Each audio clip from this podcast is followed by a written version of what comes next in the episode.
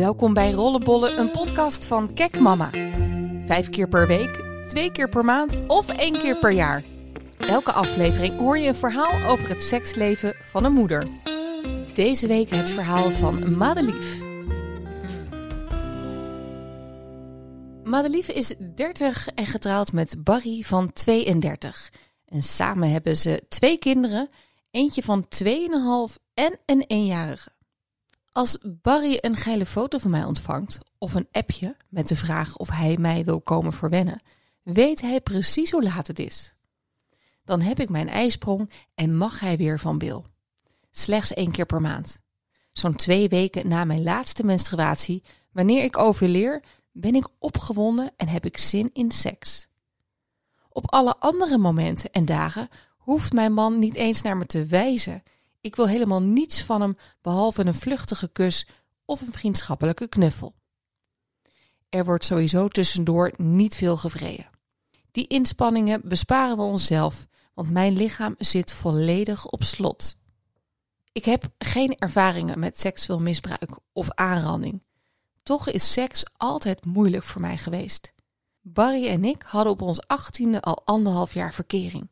In die tijd hebben we van alles geprobeerd. Maar veel verder dan friemelen en wat hand- en mondwerk kwamen we eigenlijk niet. Of ik me nou volgoot met alcohol, of het in bad of onder de douche deden, of zelfs een keer een lustopwekkende joint rookte, het lukt mij gewoon niet om het te openen down there. Het gebrek aan seks brak ons op. We werden steeds meer een soort broer en zus en gingen uit elkaar. In de jaren na onze breuk werkte ik in een kroeg. Als single bardame had ik genoeg aanspraak van mannen maar ik nam niemand mee naar huis. Maar pas op mijn 25ste ben ik ontmaagd. Ik werkte toen drie maanden in een animatieteam op een vakantiepark. Mijn knappe collega maakte veel werk van me en ik vond het wel eens tijd worden. Wonder boven wonder lukte het. Ik vond er geen bal aan, maar was wel blij. Eindelijk maagd af. We deden het nog een tweede keer, ook dat lukte gelukkig, maar ik vroeg me echt oprecht af wat de lol van seks nou precies is. Ik vond het maar gedoe. Niet speciaal, ja, of ook niet echt heel lekker. Eenmaal thuis ging ik op Tinder. Stom toevallig werd ik gekoppeld aan Barry, mijn jeugdliefde. Ik was hem wel altijd leuk blijven vinden en vond hem nog steeds aantrekkelijk. Ook hij was mij nooit vergeten en op ons eerste reuniedate was het meteen weer dik aan. Vol trots vertelde ik Barry dat ik kon neuken. Toch was onze eerste vrije partij een aanfluiting. Er stond te veel druk op vanwege het moeten presteren.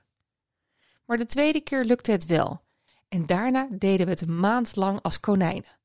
We konden er simpelweg geen genoeg van krijgen. Barry kwam er zowaar voor naar huis in zijn lunchpauzes. Maar na die ene maand zakte mijn libido weer als een kaartenhuis ineen. En seks was een aflopende zaak.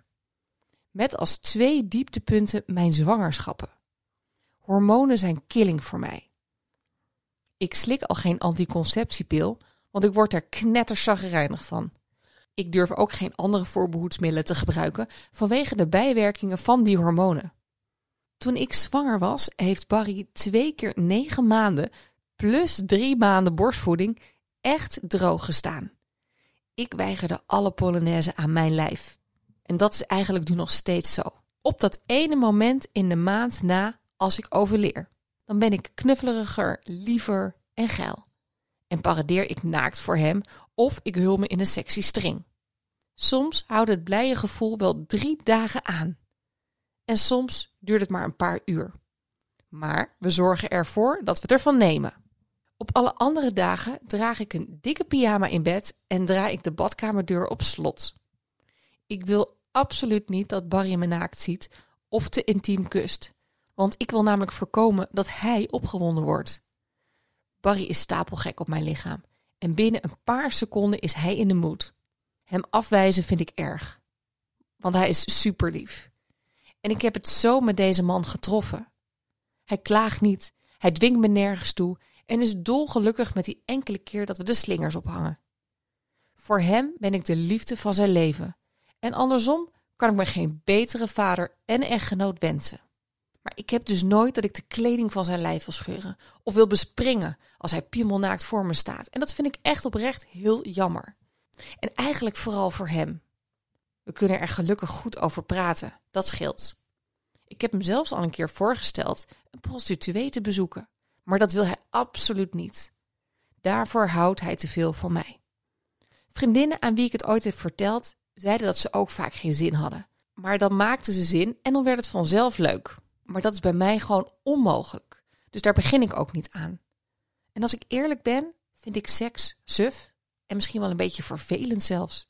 Eigenlijk ook als ik wel opgewonden ben. Of ik ooit een orgasme heb gehad, weet ik niet. Ik voel me eens wat samenknijpen als Barry me likt, maar ik zou het niet beschrijven als knetterend vuurwerk. Waarom ik alleen lustgevoelens heb tijdens mijn ijsprong, weet ik niet. Ik vermoed dat het echt gedreven is door een soort oerinstinct. Dat ik alleen zin heb als het ook nut heeft om zwanger te worden. Als Barry en ik vrijen, verlang ik ook altijd naar een derde kind. Terwijl dat financieel een ramp zou zijn voor ons. En zodra ik uit die lustbubbel ben, is die wens dan ook onmiddellijk weg. Ja, en bovendien ben ik ook nog eens heel vruchtbaar. Ik heb al twee keer een morning after pil moeten halen.